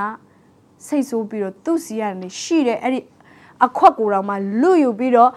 စေဆောင်တိုးပွားအောင်လုပ်နိုင်တဲ့သူကိုထပ်ပြီးတော့ပေးတယ်အဲ့တော့ဒီမှာဗာမြင်ရလဲဆိုလို့ရှိရင်ဖះတကယ်မတိုးပွားတာမကြိုက်ကျမတို့ကိုတိုးပွားဖို့ရန်အတွက်မျှော်လင့်တယ်တိုးပွားဖို့ရန်အတွက်အလုတ်လုပ်ဖို့ရန်မျှော်လင့်တယ်အလုတ်လုပ်လိုက်လို့ရှုံးသွားတယ်ဆိုတာကိစ္စမရှိဘူးဒီငယ်သားကဘာမှမလုပ်ဖဲနဲ့မြေကြီးထဲမှာသွားပြီးတော့ဝတ်ထားတာကိုသခင်စိတ်ဆိုးတာဖြစ်တယ်အဲ့ပြောပါအောင်လုပ်ရမယ် အာမင်တစုံတစ်ခုလုတ်ကိုလုတ်ရမယ်ဖះပေးထားတဲ့အရာကိုတိုးပွားလာအောင်လုတ်ကိုလုတ်ရမယ်အဲ့တော့လုတ်ဆောင်ခြင်းဆိုတာကဝိညာဉ်ရေးရာအရာဖြစ်တယ်ဖះသခင်ကိုယ်တိုင်လုတ်ခဲ့တယ်ဆိုတော့ကျွန်တော်တို့တွေ့ရတယ်နော်ကပောက်ကျန်ခန်းကြီးနှစ်အငယ်1ကနေ3မှာဖတ်ကြည့်မယ်ဆိုရင်ထို့သောကောင်းကင်နှင့်မြေကြီးတကွာခတ်သိမ်းသောတစားတို့သည်ပြီးစည်းလျက်ရှိကြ၏တတမနေ့ရောက်လင်ဖျားခင်သည်ဖန်ဆင်းသောအမှုကိုလက်ဆတတ်တော်မူခဲ့ ပြီးသည်ဖြစ်၍ဖန်ဆင်းသမျှသောအမှုအရာတို့သည်ပြီးစီးပြီးမှထိုတတမနေ၌ငြိမ်ဝတ်စွာနေတော်မူ၏အာမင်အဲ့တော့ဒီမှာကျွန်တော်တို့ပြီးစီးတယ်ပြီးစီးတယ်ဆိုတဲ့အရာကိုအချိန်ချင်းမြင်ရတယ်ထိုတတမနေ့ကိုဖျားခင်သည်ကောင်းကြီးပေး၍တန့်ရှင်းစေတော်မူ၏အကြောင်းမူကားဖန်ဆင်းပြုပြင်တော်မူသော အမှုအရာအလုံးစုံတို့ကိုပြီးစီးသောကြောင့်ထိုနေ့ရက်၌ငြိမ်ဝတ်စွာနေတော်မူ၏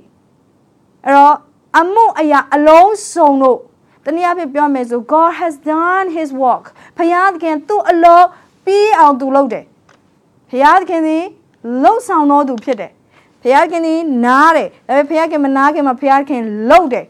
ဟာလေလုယာပြောပါအောင်လှုပ်ရမယ်အာမင်အဲ့တော့အလုတ်လုတ်ချင်းဆိုတာကမကောင်းတာမဟုတ်ပါဘူးနားရမယ့်နေ့ရရှိသလိုလှုပ်ရမယ့်နေ့ရလည်းရှိရမယ် အဲ့တော့ကျမတို့အထင်မလွဲပါနဲ့ကျမအနားယူခြင်းနဲ့ပတ်သက်ပြီးတော့လေတရားဟောထားတာရှိပါတယ်မနာမနေလောက်ပါလို့ကျမဆိုလိုချင်တာမဟုတ်ဥပုံနေ့ဆိုတာဘာလဲဥပုံနှစ်ဆိုတာဘာလဲဆိုတာနဲ့ပတ်သက်ပြီးတော့ကျမဟောထားတဲ့တရားဟောချက်တွေရှိပါတယ်အဲ့တော့သင်အနားလိုအပ်နေတဲ့သူဆိုအဲ့ဒါကိုနားထောင်ပါဒါပေမဲ့ကျမဒီနေ့ဟောတာတော့ဖခင်ရဲ့အလိုတော်နဲ့အညီဘလို့အလုပ်လုပ်ရမလဲဘာကြောင့်အလုပ်လုပ်ဖို့လိုလဲဆိုတာနားလည်စေခြင်းလို့ပြောနေတာဖြစ်တယ်ဖခင်သခင်ကိုယ်တိုင်လှုပ်ဆောင်တယ်သူကိုယ်တိုင်တက်တည်ပုံတက်တည်ပြတယ် ယေရှုလည်းပဲမြေကြီးလာတဲ့အခါမှာခမည်းတော်ရဲ့အလိုတော်ကိုဆောင်ဖို့ရန်အတွက်လာတယ်လို့ပြောတယ်။ဒါကြောင့်ယေရှုကလှုပ်ဆောင်တယ်။လူနာတွေကိုကျမ်းမာစေတယ်။ဧဝံဂေလိတရားကိုဟောပြောတယ်။လူတွေလွတ်မြောက်ခြင်းနဲ့ဆိုင်တဲ့အကြောင်းကိုဟောပြောတယ်။လူတွေနိုင်ငံတော်နဲ့ပတ်သက်ပြီးတော့သိရှိဖို့ရန်အတွက်လှုပ်ဆောင်တယ်။ယေရှုကားတိုင်းကနေပြီးတော့သူနောက်ဆုံးပြောတဲ့စကားတစ်ခွန်းကအမှုပြီးပြီလို့ပြောတယ်။တဘောကဘာလဲသူ့လို့သူပြီးအောင်လုပ်တယ်။ပိုးလူလည်းပြောတယ်။ငါဟာပ န်းနှုံးနိုင်သောငါပြေးပြီ။ငါအမှုရအားလုံးငါပြီးစီးအောင်ငါလုပ်ခဲ့ပြီ။ကျမတို့အဲ့လိုမျိုးပြောနိုင်မလားတနေ့ကြလို့ရှိရင်ငါလုတ်ရရှိရအားလုံးကလုတ်ပြီးပြီလို့ပြောမလားတောင်းမဟုတ်ရင်ငါမပြီးသေးဘူးဖះလုတ်ခိုင်းတာတွေငါမလုတ်ခဲလိုက်ရဘူးအာငါအချိန်ကြီးပြန်လိုချင်လိုက်တာဆိုပြီးတော့နောင်တတွေနဲ့ဘဝကိုသွားမှာလားရွေးချယ်ပါမိတ်ဆွေဒီနေ့မှဒီနေ့အတွက်လှုပ်တဲ့အလုပ်တွေကိုလုပ်ပါအာမင်နေ့တစ်နေ့ပြီးတဲ့အခါမှာ ငါဒီနေ့အတွက်လှုပ်တဲ့တာအားလုံးငါလှုပ်ပြီးပြီအမှုပြီးပြီဒါဖះခင်ကိုရိုင်းပုံသက်တွေအနေနဲ့ကျမတို့ကိုပြခဲ့တာဖြစ်တယ်ပြနေတယ်နှုတ်ကပတ်တော်ကျမတို့ကိုပုံသက်တွေပြနေတယ်နောက်ပြီးတော့ကျမတို့တရားဟောကြံခန်းကြီး28အငယ်7ကိုကြည့်တဲ့အခါမှာလေ သာရဖျားသည်အချိန်တန်မှသင်ဤပြည်၌မိုးရွာစေခြင်းက၎င်းသင်ပြုတ်လေရာရာ၌ကောင်းကြီးပေးခြင်းက၎င်းဗန္နာတော်တိုက်ဒီဟုသောမိုးကောင်းငင်ကိုဖွင့်တော်မူမီသင်သည်လူမျိုးများတို့အားချင်းငားရသောခွင့်ရှိလိမ့်မည်သူတို့သည်သင်အားချင်းငားရသောအခွင့်မရှိရအာမင်သင်ပြုတ်လေရာရာ၌ကောင်းကြီးပေးခြင်းက၎င်းသင်ပြုတ်လေရာရာ၌ဆိုသင်အလုံးလုံးလေရာရာ၌ဖခင်ကကောင်းကြီးပေးမယ်သဘောကတော့သင်ဘာမှမလုပ်ဘူးဆိုရင်ဖခင်ကောင်းကြီးပေးလို့မရဘူး အကျုပ်လည်းကောင်းကြီးပေးပါကောင်းကြီးပေးပါဆိုပြီးတော့အိယာဘွားနေပြီးတော့ဆူတောင်းနေတယ်မထအောင်အိယာဘွားနေအဲ့တော့ကျမတို့အဲ့တော့ကျမတို့ကနော်အိယာဘွားနေမထဘဲနဲ့ဆူတောင်းရင်တော့ဖခင်ပေးလို့မရအောင်ဖျားကလည်းဘယ်တော့မှစလုံးမလဲ။ तू ဘယ်တော့မှစလုံးမလဲ။ तू စလုံးတာနဲ့ကောင်းကြီးပေးဖို့ဖျားလည်းရည်ရွယ်ထားပြီးသား။ဒါပေမဲ့ကျမတို့ဘက်ကခြေလက်မလှမ်းတော့ဖျားကောင်းကြီးပေးလို့မရ။အသင်ကောင်းကြီးအတွက်ဆူတောင်းနေဆိုရင်ဖျားကောင်းကြီးပေးလို့ရအောင် ကိုယ့်ဘက်ကနေခြေလန်းလှမ်းရမယ်။ကိုယ့်ဘက်ကနေပြီးတော့စတင်ပြီးတော့လှုပ်ဆောင်ရမယ်။သင်ပြုတ်လေရာရာ၌ဖျားခင်ကောင်းကြီးပေးလိမ့်မယ်။သဘောတော့သင်ပို့ပြီးတော့ပြုတ်ရင်ပြုတ်တဲ့အရာတွေအားလုံးပေါ်မှာကောင်းကြီးတက်ရောက်။ဒါအရင်တော့အလုပ်တစ်ခုပဲရှိရဲ့ဘုရားခင်တင့်ကိုအလုပ်တစ်ခုစာပဲကောင်းကြီးပေးလို့ရ။အမေတင်အလုပ်နှစ်ခုရှိလာပြီဆိုရင်တင့်ကိုနှစ်ခုစာကောင်းကြီးပေးလို့ရလာလိမ့်မယ်။တင်မေအစီမအရင်တော့အလုပ်သမား10ယောက်ရှိရဲဘုရားခင်အဲ့10ယောက်ကိုပဲကောင်းကြီးပေးလို့ရ။ဒါပေမဲ့တင်အလုပ်သမားအယောက်100ရှိလာတယ်ဆိုဘုရားခင်တင့်အပြင်အယောက်100ကိုကောင်းကြီးပေးလို့ရလာလိမ့်မယ်။ နားလည်မလားမသိညီကောင်မောင်မတို့အကျမတို့ဘက်ကနေပြီးတော့လုတ်တယ်ဆိုရင်ပြုတ်လေရရမှာကောင်းကြီးခံစားမှာရောတက်လိုမျိုးရောတက်ရှိတဲ့အခါမှာဖာရောရဲ့အိမ်နော်ဒီပိုတိဘာရဲ့အိမ်အိမ်လုံးဟာကောင်းကြီးခံစားရတယ်ပိုတိဘာရဲ့အိမ်မှာရှိစီးပွားအားလုံးကကောင်းကြီးဖြစ်တယ်ဘာကြောင့်လဲယောသက်ထိလို့ယောသက်လှုပ်လေရာရာ၌ဘုရားပြန်ကောင်းကြီးပေးတယ်အဲ့ယောသက်လှုပ်လေ ပိုတိဘာကောင်းကြီးခံစားယောသက်လှုပ်လေပိုတိဘာကောင်းကြီးခံစားလေအသင်လှုပ်တယ်ဆိုရင်သင်ပတ်ဝန်းကျင်ကောင်းကြီးခံစားလာလိမ့်မယ်ဟာလေလုယာအာမင်အဲ့တော့ဒီမှာလဲပြောတယ်နော်တင်ဤပြည်၌မိုးရွာစေခြင်းက၎င်းတင်ပြုတ်လေရာ၌ကောင်းကြီးပေးခြင်းက၎င်းဘန္နာတော်တိုက်ဒီဟုသောမိုးကောင်းငင်ဖွင့်တော်မူလိမ့်မည်ဖျားသခင်မိုးကောင်းငင်ဆိုတဲ့သူ့ရဲ့ဘန္နာတိုက်ကိုဖွင့်ပေးမယ်တင်လုတ်တယ်ဆိုရင်ဖျားသခင်ထောက်ပံ့ပေးလိမ့်မယ်ဟာလေလုယာ ဒါနဲ့ဖျားထောက်ပံ့ခြင်းလို့ခြင်းလားအာမင်အမေဖျားထောက်ပံ့ခြင်းကလုတ်တဲ့လူတွေစီပဲရောက်လာမှာမလုတ်တဲ့သူစီကိုဖျားကဘာကောင်းကြီးတပြားတစ်ချက်မှပို့မှာမဟုတ်မလုတ်တဲ့လူစီကိုဖရားခင်ကောင်းကြီးတပြားတစ်ချက်မှပို့မှာမဟုတ်မှတ်ထားပါဒီစကားလေးကိုနော်လက်ခံဖို့တော့ချိုးလူတွေအတွက်ခက်ရင်ခက်လိမ့်မယ်တီးခံပြီးတော့လက်ခံပါအဲကျမတို့ဖရားခင်ကကောင်းကြီးပေးစေခြင်းနဲ့ဆိုလုပ်ပါတစုံတစ်ခုလုပ်ပါကျမတို့အသင်းတော်တွေ အာဖရားခင်ထောက်ပံ့မှုဆူတောင်းတယ်ဒါပေမဲ့အသင်းတော်ဘာမှလုပ်ဖို့အစီအစဉ်မရှိဖရားခင်ပေးလို့မရအခုကျမတို့အသင်းတော်ကနေပြီးတော့ရန်ကုန်မှာတင်နန်းလုပ်တယ်တင်နန်းလုပ်တဲ့အခါမှာအကောင်းဆုံးဟိုတယ်မြန်မာနိုင်ငံရဲ့အကောင်းဆုံးဟိုတယ်မှာလုပ်ဖို့ရန်အတွက်ဆုံးဖြတ်ချက်ချတယ်အဲ့ဒီဟိုတယ်ကိုငှားတယ်တကယ်ကိုဈေးကြီးပါတယ်နော်ကျမတို့နှစ်ရက်တာလုပ်တာတော့မှ3400လောက်ကျမတို့ကုန်ပါတယ်ဒါပေမဲ့မိတ်ဆွေသိလားကျမတို့လုပ်တဲ့အခါမှာ မိုးကောင်းငင်ပရင်းပါကိုဖွင့်ပြီးတော့ဖခင်သူ့ရဲ့ဗန္နာတိုက်ကိုဖွင့်ပြီးတော့ကောင်းကြီးပေးငွေကြီးအံ့ဩစရာလုံလောက်ယုံကပိုရှင်ဆိုဖခင်ထောက်ပံ့ပေးတာဖြစ်တယ်နမိတ်လက္ခဏာခံစားရတယ်ဒါပေမဲ့ဒီနမိတ်လက္ခဏာတွေကအလိုလိုနေရောက်လာတာမဟုတ်ဘူးကိုယ့်ဘက်ကနေ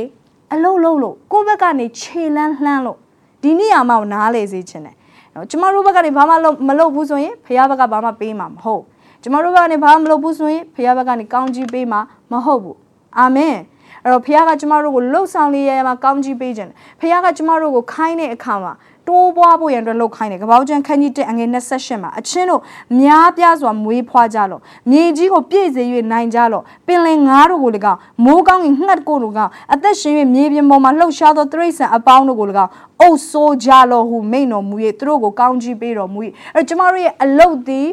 အုပ်ဆိုးဖို့ရန်အတွက်လှုပ်နေတာဖြစ်တယ်ပြောပါအောင်ကျမနဲ့တူဝင်ခံမှာငါအလုတ်လုပ်တာဟာအုပ်ဆိုးဖို့ရန်အတွက်လှုပ်တာဖြစ်တယ် အလုတ်ကတင့်ကိုမအုပ်ဆိုးသွားစေနဲ့သင်ကအလုတ်ရဲ့ကျွန်မဟုတ်ဘူးသင်ကအလုတ်ရဲ့သခင်ဖြစ်တယ်ဟာလေလုယာသင်အလုတ်လုပ်တဲ့အခါမှာသင်တိုးတက်ဖို့ရန်အတွက်လုပ်နေတာဖြစ်တယ် bill ပေးရဖို့ရန်အတွက်ပဲလုပ်နေတာမဟုတ်ဘူးသင်အလုံးလုံးတာကြင်ချင်းအမင်္ဂလာခံစားနေရလို့လုပ်နေတာမဟုတ်ဘူးသင်အလုံးလုံးတာဒုက္ခရောက်နေလို့ပဲအလုံးလုံးတာမဟုတ်ဘူး သင်လုံးလောက်တာဖျားခိုင်းလို့လောက်တာဖျားမြေကြီးပေါ်မှာနေတဲ့အခါမှာအတိတ်ပဲရှိစွာနဲ့ရည်ရွယ်ချက်ရှိစွာနဲ့အသက်ရှင်စေခြင်းလို့လှုပ်ဆောင်နေတာသင်လုံးလှုပ်ဆောင်ခြင်းအဖြစ်တိုးတက်ဖွံ့ဖြိုးမှုတွေဖြစ်လာဖို့ရန်အတွက်လုပ်နေတာလာကရဖို့ရန်အတွက်ပဲလုပ်တာမဟုတ်ဘူးလာကစား mindset ထဲကနေထွက်လာပါအဲ့လိုပြောလို့လာကမယူဘဲနဲ့လှုပ်ပါလို့ကျွန်မဆိုလိုချင်တာမဟုတ်ဘူးဒါပေမဲ့အဲ့လာကရဖို့ရန်အတွက်ပဲသင်လှုပ်တယ်ဆိုရင်တော့သင်ဟာအရင်ယူပါယုံသေးသေးတယ် အလုံးလုံးတဲ့အခါမှာတိုးပွားအောင်သင်လုံးမှာမဟုတ်ဘူးသင်အလုံးလုံးတာသင်တိုးတက်ဖို့ရန်အတွက်ဖြစ်တယ်ပြောပါအောင်ကျွန်မနဲ့တူမှာငါအလုံးလုံးတာငါတိုးတက်ဖို့ရန်အတွက်ဖြစ်တယ်ဖခင်ကပေးထားတဲ့အည်သွေးတွေသင်ရဲ့အထဲမှာရှိနေတဲ့အည်ချင်းတွေတိုးတက်ဖို့ရန်အတွက်လုပ်တာဒါကြောင့်မို့ကျွန်မအားပေးပြစေသင်အလို့ရှင်ခိုင်းတဲ့လောက်ပဲမလုပ်ပါနဲ့သင်ကိုအလုပ်က supervisor တွေ manager တွေကခိုင်းတဲ့လောက်ပဲမလုပ်ပါနဲ့သင်အည်ချင်းတိုးတက်အောင်လုပ်ပါ တင်းရင်ချင်းတိုးတက်အောင်လုပ်ခွင့်သူတို့မပေးဘူးဆိုလဲတင့်တဲ့အားတဲ့အချိန်မှာတိုးတက်အောင်လုပ်လုပ်ပါအာမင်အာမင်ဟာလေလုယာအတင်းရင်ချင်းတိုးတက်အောင်လုပ်လို့ရတဲ့နေရာမှာလုပ်ပါအလုပ်ကိုဒါကြောင့်မလို့ကျမတို့ဘန္နာဇိုးကောင်းတယောက်အနေနဲ့ကျမတို့အလုပ်လုပ်မယ်ဆိုဘယ်လိုလုပ်ရမလဲနံပါတ်1အနေနဲ့ကိုယ့်ရဲ့အသက်တာတွေကအည်သွေးတွေကိုထုတ်ဖို့ပါကိုယ့်ရဲ့သက်တာတွေမှာဘုရားသခင်ထေထားပေးတဲ့အည်ချင်းတွေစုကျေးဇူးတွေဘိတ်သိက်တွေ အဲ့ဒီအရာတွေတိုးပွားအောင်လုပ်ပါအဲ့တော့အလုပ်လုပ်တာလာခရဖို့ရန်အတွက်ပဲမလုပ်နဲ့အလုပ်လုပ်တာ bill ပေးရဖို့ရန်အတွက်တလားတလားစားစရာရှိဖို့ရန်အတွက်ထမင်းတွေပကံနော်ထမင်းတွေအဲစားတောက်တွေစပွဲပေါ်ရောက်လာဖို့ရန်အတွက်အဲ့လောက်ပဲမလုပ်ပါနဲ့အလုပ်လုပ်တာငါတိုးတက်ဖို့ရန်အတွက်လုပ်တာဖြစ်တယ်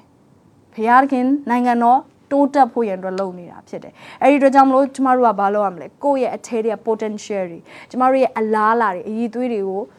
အစွန်းဆုံးအသုံးပြုရမယ် ချဲ့ထွင်ပြီးတော့အသုံးပြုရမယ်ဟာလေလုယာအာမင်ကပောက်ကျန်ခန်းကြီးလေးအငယ်20 22မှာတိတ်စိတ်ဝင်စားစရာကောင်းတဲ့သူတွေရှိတယ်သူတို့အကြောင်းကိုကျွန်တော်တို့ဖတ်ကြည့်အောင်အာဒဒီသားယာဗလကိုဖွားမြင်လေထိုသားကတဲနိုင်နေသောသူတိုးနွားစသည်တို့ကိုမွေးသောသူတို့၏အဘဆရာဖြစ်လေတဲ့ဒီအာယာဗလဆိုတဲ့လူက farming and agriculture ဆိုရဲလေယာစိုက်ပျိုးရေးကိုအစပြုတဲ့လူတယောက်ဖြစ်လာတယ် ဝါအဲ့ဒါဆိုရင်သူမတိုင်ခင်တုန်းကလူတွေကဒီလေယာစိုက်ပျိုးရေးတိုးနွားစတဲ့နော်ဒီမွေးမြူရေးကိုကောင်းမွန်စွာမလုပ်တတ်ဘူးဆိုတာကျွန်တော်တို့တွေ့ရတယ်သူကတိုးနွားတွေကိုဘလို့မွေးရမလဲဆိုရအရာကိုစတင်ပြီးတော့လှုပ်ဆောင်ခဲ့တဲ့သူတယောက်ဖြစ်တယ်စတင်ပြီးတော့ရေးသားခဲ့တယ်သူကတွန်တင်ပေးခဲ့တဲ့နောင်လာနောင်သားတွေကို standard တစ်ခုကိုတိဆောက်ခဲ့တာဖြစ်တယ်သူကဝါအာမင်အလုပ်ကိုထမင်းစားဖို့အတွက်ပဲလုပ်တာမဟုတ်နောင်လာနောင်သားတွေကိုဘလိုမျိုးလူနေမှုအဆင့်တန်းတစ်ခုကိုရောက်လာဖို့ရန်အတွက်သူကလမ်းပြပေးခဲ့တဲ့သူတယောက်ဖြစ်တယ်အာမင် နောက်တစ်ခေါက်နောက်တစ်ယောက်လည်းရှိသေးတယ်ဒီမှာယူပလအမည်ရှိသောညီမူကစောင်းမျိုးနှဲခရာတို့ကိုတီးမှုတ်တတ်သောသူအပေါင်းတို့အဘဖြစ်လေသည်ယူပလကကြတော့သူလည်းထမင်းစားဖို့ပဲလှုပ်လှုပ်တာမဟုတ်ဘူးသူလည်းအဲနော်အိမ်အိမ်ငါခပေးဖို့အတွက်လှုပ်လှုပ်တာမဟုတ်မီတာခပေးဖို့အတွက်ပဲအလုပ်လုပ်တာမဟုတ်ဘူးအစဉ်ပြေတဲ့အိမ်မှာနေပြီးတော့ဇိမ်ခံဖို့ရန်အတွက်ပဲအလုပ်လုပ်တာမဟုတ်ဘူးသူကတီထွန်းဆန်းသက်မှုတွေလှုပ်ဆောင်ခဲ့အဲ့ဒါတော့ music instrument တွေကိုသူ လှုပ်ဆောင်ခဲ့တယ်ထုတ်ဖော်ခဲ့တယ်ဘလို့မျိုးဆောင်းတွေကိုလုပ်ရမလဲဘလို့နှဲခရတွေကိုလုပ်ရမလဲအဲ့ဒါတွေဘလို့မှုတ်ရမလဲတန်းစင်တွေဘလို့ဆွဲရမလဲအခုဆိုတော့ do re mi fa sol la ti do ဟုတ်လားစသဖြင့်နော်အဲ့တော့အဲ့ဒါမျိုးရှိရဒီယူဘလာကအဲ့ဒါတွေအားလုံးကိုအစာပြုတ်ခဲ့တဲ့ပုံကိုဖြစ်တယ်အဲ့အလုံးလုံးတယ်ဆိုတော့ထမင်းစားဖို့အတွက်ပဲမဟုတ်ဘူးမိတ်ဆွေအလုံးလုံးတယ်ဆိုတာ bill ပေးဖို့ရန်အတွက်ပဲမဟုတ်ဘူး အလုံးလုံးတယ်ဆိုတာတဲ့အဲမှာဖះထဲ့ထားပေးတဲ့စုကျေးဇူးကဘာကြီးအတွက်သင်ဟာတစုံတစ်ခုကိုယူဆောင်လာတဲ့သူဖြစ်တယ်အဲ့ဒီဟာကိုသင်ထုံဖော်နိုင်ဖို့ရန်အတွက်အလုံးလုံးရမယ်အာမင်ယူဘလာကအဲ့ဒါကို तू ယူလာပေးတယ်ကဘာကြီးကိုဘယ်လိုမျိုးစောင်းနေတည်ရမယ်ဘယ်လိုမျိုးနှဲခရတွေတီးရမယ်ဆိုတဲ့အရာကို तू ယူဆောင်လာပေးတယ်နောက်တစ်ယောက်ကြည့်အောင်ဇီလာဒီလေတာတူဘလာတူဘလာအကာအီနာကိုမွေး ဖွားမြင်လေ၏သူသည်ဗဒီသမဗဘဲသမအပေါင်းတို့၏ဆရာဖြစ်လေ၏ဟာလေလုယာသူကြတော့ဗဒီတွေဗဒိန်တွေနော်စသဖြင့်ဗဘဲတွေစားတဲ့လုပ်ငန်းတိဆောက်ခြင်းတွေလုပ်ငန်းတွေကိုလှုပ်ဆောင်နေသူဘယ်လိုမျိုးအိမ်နေဆောက်မလဲဘယ်လိုမျိုးပုံဖော်မလဲတိဆောက်မလဲစားတဲ့အလုပ်တွေကိုလှုပ်ဆောင်နေသူဖြစ်တယ်အမေဆွေသူလည်းအလုပ်လုပ်တာ စားဖို့ပဲလုပ်တာမဟုတ်လောကကြီးကိုတစုံတစ်ခုယူဆောင်မှုရန်အတွက်လုပ်နေတာဖြစ်တယ်အချို့လူတွေလောကကြီးမှာလှပတဲ့ cathedral တွေเนาะဒီဖျားเจ้าကြီးတွေဆောက်ဖို့ရန်အတွက်လှုပ်လှုပ်တယ်အချို့လူတွေကကမ္ဘာအလှပဆုံးမိုးမျော်စင်ကြီးတွေဆောက်ဖို့ရန်အတွက် လာပြီးတော့လှုပ်ဆောင်အချို့လူတွေကလူနာတွေရဲ့အသက်တွေကယ်ဆယ်ဖို့ရန်အတွက် cancer ယောဂါတွေကိုဘယ်လိုမျိုးတိုက်ဖြတ်မလဲဘယ်လိုမျိုးလူကုံသွယ်မှုတွေလူရောင်းတဲ့အရာတွေလူ human trafficking တွေဘယ်လိုမျိုးစီးသားမလဲဘယ်လိုမိဘမဲ့ကလေးတွေကိုပြုစုဆောင်ရှောက်မလဲစတဲ့ရည်ရွယ်ချက်တွေနဲ့အလုပ်လုပ်နေကြတာဖြစ်တယ်သင်ရောဘာအတွက်အလုပ်လုပ်နေရလဲကဲလို့သင်စားတော့ဆိုင်ဖွင့်နေဆိုလဲရည်ရွယ်ချက်ရှိရမယ် သင်စားတော့ဆိုင်တစ်ခုမှအလုပ်လုပ်တယ်ဆိုလဲရည်ရွယ်ချက်ရှိရမယ်သင်ရဲ့ရည်ရွယ်ချက်သင်သင်ဒီလောကကြီးကိုလာပြီးတော့လုံနေအလုပ်လုပ်နေပြီးတော့အဲ့ဒီအလုပ်ကဘာဘာဘာရည်ရွယ်ချက်မှမရှိဘဲနဲ့လုပ်ပြီးဒီကဘာကြီးကနေသင်ပြန်ထွက်သွားတယ်ဆိုရင်နှမျောစရာသိကောင်းတယ်အာမင်ရဆုတောင်းမှာကိုတော့ကျွန်တော်ကိုတော့ထားတဲ့ရွေချက်ပြည့်စုံဖို့ရန်အတွက်အလုပ်လုပ်ချင်တယ်ဟာလေလုယာ ဟာလေလုယာဟုတ်တယ်ကျမတို့စကားစားမှာတော့အလုပ်တွေကကျမတို့ဘာကိုစလုပ်ရမလဲမသိတာဖြစ်ကောင်းဖြစ်လိမ့်မယ်ဒါပေမဲ့ဆုတောင်းပါအလုပ်ထဲမှာသင်ယူပါအလုပ်ထဲမှာသင်စပြီးတော့ explore လုပ်ပါသင်နဲ့သင်ဖျားခင်ထားထားတဲ့ရွေချက်နဲ့ပြည့်စုံတဲ့အလုပ်တွေစပြီးတော့သင်လုပ်လာနိုင်မှာဖြစ်တယ်အာမင်နံပါတ်2အနေနဲ့သင်ပန္နာဇိုးကောင်းဖြစ်ခြင်းနဲ့ဆိုရင်သင်ရဲ့အထက်မှာရှိနေတဲ့အည်အသွေးတွေကို ပညာရှိရှိအသုံးပြုပါအဲ့တော့အည်သွေးတွေကိုထုတ်ဖော်ဖို့ပဲမဟုတ်အည်သွေးတွေကိုပညာရှိစွာလည်းအသုံးပြုဖို့လိုတယ်အဲ့တော့ကျမတို့ဘာဘူးလုံရဲတိုက်ကိုစောက်တဲ့လူတွေကိုကြည့်ပါသူတို့ကအည်ချင်းရှိတယ်သူတို့မှာအုပ်ဘယ်လိုမျိုးဖောက်ရမလဲဆိုရင်နီးပညာကိုသူတို့ကရသွားတယ်အဲ့ဒီအကြောင်းကိုကျမတို့ကျမတို့ကပောက်ကျန်းခန်းကြီး7အငယ်1ကနေ9မှာတွေ့ရတယ် မြေကြီးသားအပေါင်းတို့သည်ဘာသာတစ်မျိုးတည်းစကားတစ်မျိုးတည်းရှိကြသည်ဖြစ်၍အရှင်းမျက်နာမှာခီးသွားဖြင့်ရှိနာပြည်၌မြင်းကြီးအရက်ကိုတွေ့၍နေရာချကြ၏သူတို့ကလည်းလာကြအုပ်လို့ရခိုင်မာစွာဖုတ်ကြကုန်အန်းဟုတယောက်ကိုတယောက်ပြောကြ၏ဒီမှာသူတို့တွေဟာအုပ်ဖုတ်တဲ့အတတ်ပညာကိုစပြီးသိတဲ့သူတွေအဲအဲ့ဒီမတိုင်ခင်တော့အဲ့ဒီအဲ့လိုမျိုးလှုပ်လှုပ်တယ်ဆိုတာမရှိဘူးသူတို့ကအုပ်ဖုတ်တဲ့နီးပညာကိုဖော်ထုတ်ခဲ့ကြတယ်။ဒါပေမဲ့ဆိုသိလား သူတို့ရှေ့ရဲ့အည်သွေးကိုကြာပညာရှိစွာမသုံးဘာဘာအတွက်ပြန်ဖြစ်လာလဲဆိုဖះကိုပုံကံမို့ရန်အတွက်ဖြစ်လာဘာဘူးလုံးရဲတိုက်ကြီးကိုစောက်ပြီးတော့ဖះခင်ကိုစန့်ကျင်ပြီးအသက်ရှင်မှုရန်အတွက်ဖြစ်လာအဲ့ကိုမရှိရဲ့အရာတွေကကိုအလုတ်လုတ်တာတော့ကောင်းပါတယ်စုကျေးဇူးတွေနဲ့အချို့တွေကတော့အလုတ်လုတ်တယ်ဒါပေမဲ့ဖះသခင်ကိုစန့်ကျင်ဖို့ရန်အတွက်ဖြစ်လို့တော့မရသင်အလုတ်လုတ်တာဒီ ဖဖះကိုစန့်ကျင်မှုမဟုတ်ဖះခင်မလို့တော့ဘူးငါထမင်းငါရှာစားနိုင်ပြီဆိုတဲ့နေရာကိုသွားဖို့မဟုတ်တဲ့အလုံးလုံးချင်းအဖြစ်အော်ငါဒီလောက်လုံနိုင်တာငါ့ကိုဖန်ဆင်းတဲ့ဖះကဘလောက်တောင်ကြီးမြတ်လဲဆိုတာမြင်ဖို့ရန်အတွက်ဖြစ်တယ်တင်ညံကောင်းတာဖះခင်ပေးလို့ညံကောင်းတာတင်ခွန်အားရှိရဖះပေးတဲ့ခွန်အားဖြစ်တယ်အံ့ဩပါအမေတင့်ကိုတင်မဲ့မအံ့ဩနဲ့တင့်ကိုတင်အံ့ဩပြီးဖះခင်ကိုအံ့ဩပါငါ့ကိုဒီလောက်ကောင်းအောင်ဖန်ဆင်းနိုင်တဲ့ဖះ ဟာလေလုယဖခင်ကိုတနေ့မှာကျမတို့နော်အခါတရမကချီးမွမ်းသင့်တာဖြစ်တယ်အာမင်ဟာလေလုယဒါပေမဲ့အချို့ကြတော့မှားယွင်းတဲ့ mindset ရှိရဲ့ကိုယ့်ကိုအကောင်းမမြင်မဲမမြင်မှပဲငါနှိမ်ချနိုင်မှာလို့မြင်နေသူရှိရဲ့အဲ့လိုမျိုးမဟုတ်ပါဘူးဖခင်ကျမတို့စိတ်တက်ကြပြီးတော့မသွားစေချင်ကျမတို့ကိုယ့်ကိုအကောင်းမြင်လို့ရပါတယ်အကောင်းမြင်ဖို့လည်းဘုရားသခင်အလိုရှိရယ်ဒါပေမဲ့တင့်ကိုတင်မဲ့အကောင်းမြင်တဲ့နေရာမှာရက်သွားပြီးတော့မနေပါနဲ့ဘုရားသခင်ကိုကောင်းကြီးပေးပါဘုရားကိုပြန်လည်ပြီးတော့ချီးမွမ်းဖို့ရန်အတွက်ဘုရားသခင်အလိုရှိရယ် အာမင်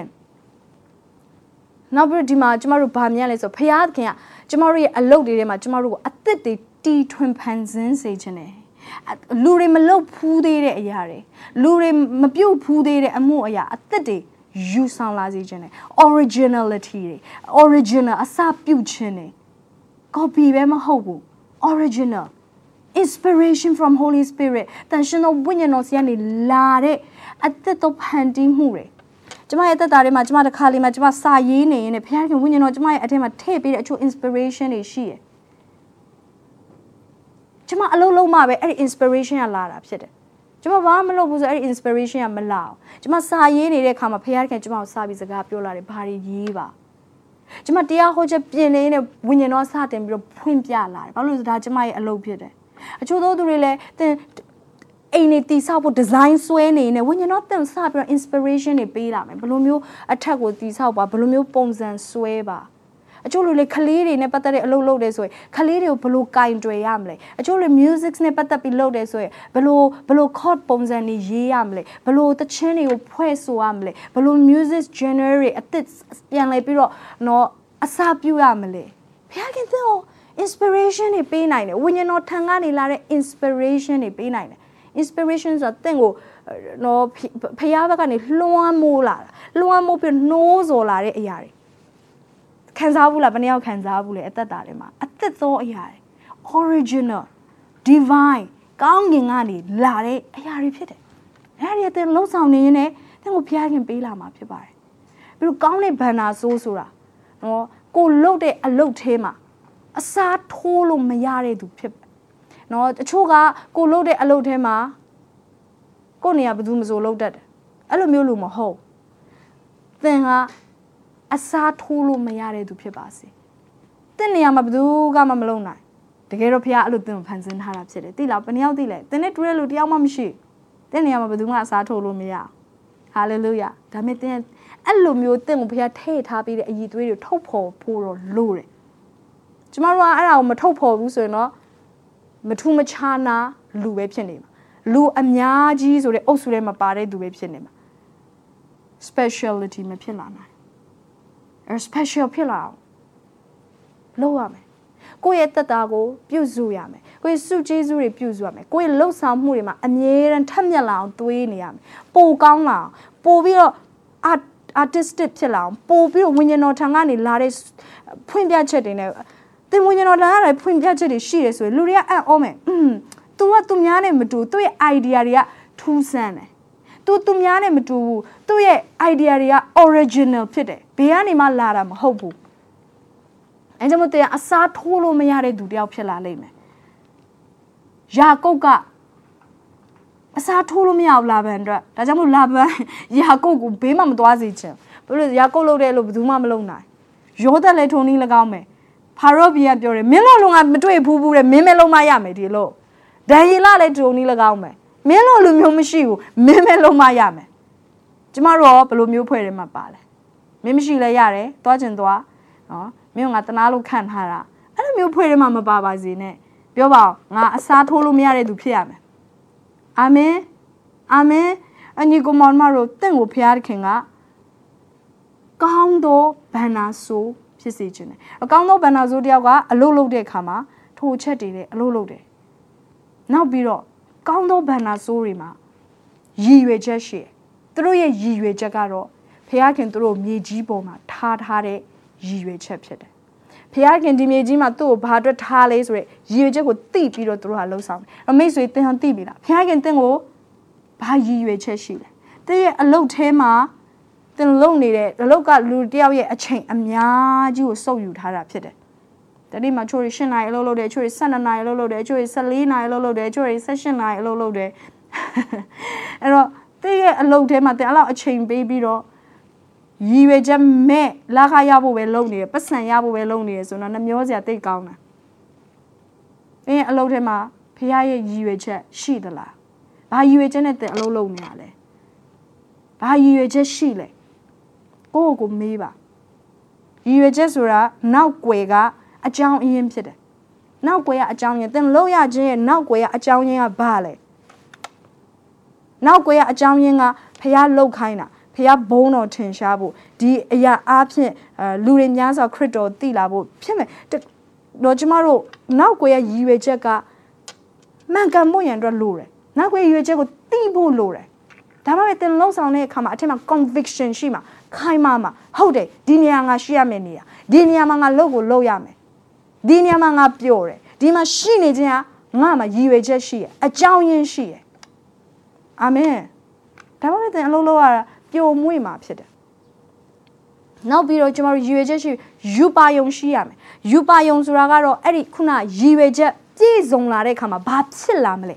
ယူပါယုံကျတော့ကျမတို့မြင်ပြီးတော့လောက်ရ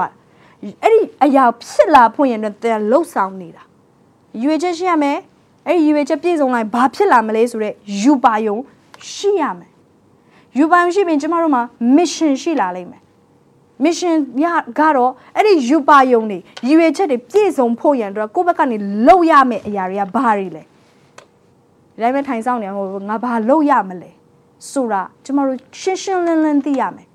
goals တွေ objective တွေ ကျမတို့မှာရှိဖို့ရန်အတွက်လိုတယ်နောက်ပြီးတော့ကျမတို့အဲ့ဒါတွေကိုလုပ်တဲ့အခါမှာငါဘာကိုတန်ဖိုးထားပြီးတော့လုပ်မှာလဲ what is my values ငါဘာတွေကိုတန်ဖိုးထားပြီးလုပ်မှာလဲဥပမာဆိုပါစို့ငါအလုပ်လုပ်တဲ့ခါငါမခိုးဘူးငါအလုပ်လုပ်တဲ့အခါမှာနော်ငါဘယ်တော့မှအချိန်ကိုမဖြုံးဘူးငါအလုပ်လုပ်တဲ့အခါမှာရိုးသားမယ်ငါအလုပ်လုပ်တဲ့အခါမှာလူတွေကိုဂုံပြုတ်မှုနဲ့လုပ်မယ်ငါအလုပ်လုပ်တဲ့အခါမှာပွင့်လင်းမြင်သာစွာငါအလုပ်လုပ်မယ်မလိမ်ဘူး စတဲ့အရာတွေကတင့်ရဲ့ values တွေဖြစ်တယ်အချို့လူတွေကအလုပ်လုပ်တာတော့တော်တယ်ဒါပေမဲ့သူတို့မှာ values တွေအရင် low ဖြစ်တယ်နှိမ့်ကြအဲ့ဒီအတွက်ကြောင့်မလို့သူတို့သူတို့ရဲ့အလုပ်က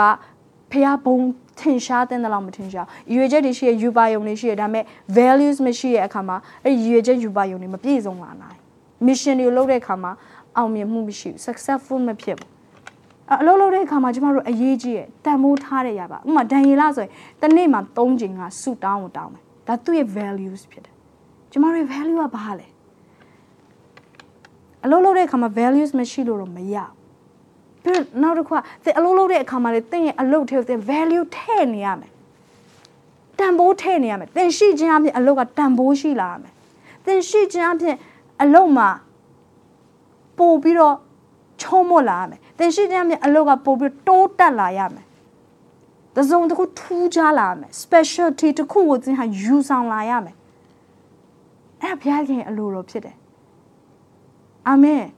နောက်ပြီးတော့သင်အလုပ်လုပ်တဲ့အခါမှာ technologies တွေကိုအသုံးပြုရမယ် technology ဆိုတာအချို့လူတွေကကွန်ပျူတာတွေနည်းပညာတွေဒီအရာတွေကြောက်တဲ့လူတွေအများကြီးရှိတယ်။ကျွန်မအားပေးပြစေဖျားခင်သည် technology ကိုပေးတာလူကိုတက်တာစေခြင်းလို့ဖြစ်တယ်။ လူကိုတက်တာပြီးတော့လုပ်ငန်းတွင်ကျယ်ဖို့ရလုပ်ငန်းတိုးပွားဖို့ရအတွက်အဲကျွန်တော်တို့ကအလုပ်လုပ်တဲ့အခါမှာလုပ်ငန်းတိုးပွားဖို့ရန်အတွက်နီးပညာတွေကိုအသုံးမပြုဘူးဆိုရင်လုပ်ငန်းကနှေးကွေးနေမှာပဲဥပမာဆိုပါစို့လူကစိုက်ပျိုးရေးလုပ်ဖို့အတွက်နွားကိုအသုံးမပြုဘူးဆိုရင်သူ့လက်နဲ့ပဲသူမြေကိုတူးဆွပြီးတော့စိုက်မယ်ဆိုရင်ပို့ပြီးတော့ကြာလိမ့်မယ်ပင်မန်းလိမ့်မယ် တိုးပွားမှုလည်းနည်းလိမ့်မယ်သူတမိသားစုစာပဲသူစိုက်နိုင်လိမ့်မယ်ဒါပေမဲ့လူတွေအများကြီးစားလို့ရဖို့ဆန်စပါးကိုစိုက်မယ်ဆိုတော့နွားကိုသူအသုံးပြုလာပြီဒါပါလေနီးပညာနီးပညာကိုမသုံးချင်တဲ့လူကတိုးပွားမှုဘယ်တော့မှမယူလာနိုင်ဘန်နာဇိုးကောင်းမဖြစ်နိုင်အဲ့တော့နီးပညာကိုအမြဲတမ်းမှာအသုံးချတတ်ဖို့လိုတယ်ဘုရားခင်လောကကြီးကိုအုပ်ဆိုးပါလို့ပြောတဲ့အခါမှာအချို့နီးပညာတွေကိုကျမတို့အုပ်ဆိုးဖို့ရန်အတွက်လိုတယ်အသင်းတော်တွေလုပ်တယ်ကျမတို့နီးပညာတွေမသုံးဘူးအင်တာနက်တွေကျမတို့မသုံးဘူးကွန်ပျူတာတွေမသုံးဘူး system တွေကိုမသုံးဘူးဆိုလို့ရှိရင်ကျမတို့ကနောက်ကျကြံခဲ့မှာပဲအချို့အသင်းတော်တွေရဲ့နောက်ကျကြံတာအရန်ဂုံယူတယ်ဒါမှပို့ပြီးတော့ငါတို့ကတန့်ရှင်းတာ holy holy holy ဘာလို့လဲဆိုတော့ငါတို့ကလောကနဲ့လုံးဝမဆက်ဆံဒီလောကကကွန်ပျူတာတွေပါတယ်ငါတို့အသင်းတော်တွေဝင်ခွင့်မပေးအဲ့ဒီအပေါ်မှာဂုံယူနေမဟုတ်ဘူးဖခင်ရဲ့သူအလုပ်တွင်ကျေးစေချင်တာသင်ကိုအလုပ်ကိုအုပ်ဆိုးတဲ့သူဖြစ်စေချင်တာသုံးပြုရမယ်အာမင်အဲ့တော့ဒီနေ့မှာဘန္နာဆိုးကောင်းတယောက်ဖြစ်ဖို့အလုပ်လုပ်ပါ ဒါပေမဲ့ကောင်းသောဘန္နာဆိုးဖြစ်ပါစေကောင်းသောဘန္နာဆိုးဆိုတော့တိုးပေါအောင်လုပ်တဲ့သူတွေဖြစ်တယ်ဒါပေမဲ့ဘန္နာဆိုးနှစ်မျိုးရှိတယ်အလုပ်ကိုအုပ်ဆိုးတဲ့ဘန္နာဆိုးနဲ့အတုံးချခြင်းခံရတဲ့ဘန္နာဆိုးလောကကြီးမှာ bill ပေးဖို့စားစရာရဖို့ရန်အတွက်ပဲအလုပ်လုပ်နေတဲ့ဘန္နာဆိုးတွေရှိတယ်အဲ့လိုမျိုးအဖွဲတွေမှာတော့သင်မပါပါစေနဲ့ဘုရားခင်အသင်ကိုအလုပ်ထဲမှာအောင်မြင်တဲ့သူဖြစ်စေခြင်းနဲ့လူတွေများစွာအတွက်ဒီလောကကြီးအတွက်နောက်မျိုးဆက်တွေအတွက် ကောင်းကြီးမင်္ဂလာတွေယူဆောင်လာတဲ့သူဘုရားခင်တင့်ကိုဖြစ်စေခြင်းနဲ့အာမင်သင်လှုပ်ဆောင်လိရရမှာနှလုံးသားအပြည့်အဝနဲ့လှုပ်ပါတိုးတကြီးထွားဖို့ရန်အတွက်အမြဲတမ်းပြင်းပြတဲ့ဆန္ဒရှိပါ originality တွေယူဆောင်လာပါအသက်တော်တီထွင်ဖန်တီးမှုတွေယူဆောင်လာပါတန်ရှင်သောဝိညာဉ်တော်ထံကနေလာတဲ့ divine inspiration နဲ့ဖြစ်ပေါ်လာတဲ့ဖခင်ရဲ့အသက်တော်ဖန်တီးမှုတွေယူဆောင်လာပါ ကောင်းကြီးမင်္ဂလာတွေကိုတည်ဆောင်လာပါသင်ရဲ့အလုပ်ဟာကြင်ချင်းခံရတဲ့နေရာမဟုတ်သင်ရဲ့အလုပ်ဟာသင်ကိုယ်တိုင်သင်လှုပ်ဆောင်ခြင်းရဲ့အကျိုးကိုခံစားပြီးပျော်မွေ့နိုင်ဖို့ရန်အတွက်ဘုရားသခင်ပြင်ဆင်ပေးထားတဲ့နေရာဖြစ်တယ်။အဲ့ဒါကိုသင်ကြည့်ခြင်းအပြင်ဘုရားရဲ့ကျေးဇူးတော်သင်ချီးမွမ်းလိမ့်မယ်။ဘုရားသခင်အယံမေကောင်းမြတ်တယ်။ငါ့ကိုဒီလိုမျိုးလုံနိုင်ဖို့ရန်အတွက်အစွမ်းစားပေးတာဘုရားသခင်ဖြစ်တယ်ဆိုတာသင်ကျေးဇူးတော်ချီးမွမ်းနိုင်တဲ့လူတစ်ယောက်ဖြစ်လာလိမ့်မယ်။ ဟာလေလုယာ။ကျမနဲ့အတူဆုတောင်းရကိုတော်ကျွန်တော်ကိုကောင်းသောဘန္နာဆိုးတစ်ယောက်ဖြစ်စေပါ။ကောင်းသောဘန္နာဆိုးဆိုတဲ့အခါမှာကျမတို့တွေဘန္နာဆိုးကောင်းဖြစ်ရမယ်နေရာ၃နေရာရှိပါတယ်ကျမတို့ရဲ့အချိန်ကိုဘန္နာဆိုးကောင်းတယောက်ဖြစ်ရမယ်အချိန်ကိုမှန်ကန်စွာအသုံးပြုပါနံပါတ်1အနေနဲ့သင်ရဲ့ငွေကိုမှန်ကန်စွာဘန္နာဆိုးကောင်းတယောက်လုပ်ပါအဲ့ဒီပြင်နံပါတ်3အနေနဲ့သင်ရဲ့အရေးအချင်းတွေ talents တွေစုကျေးဇူးတွေဘန္နာဆိုးကောင်း ဖြစ်ပါစေအာမင်အားလုံးတူတကွာဆုတောင်းရအောင်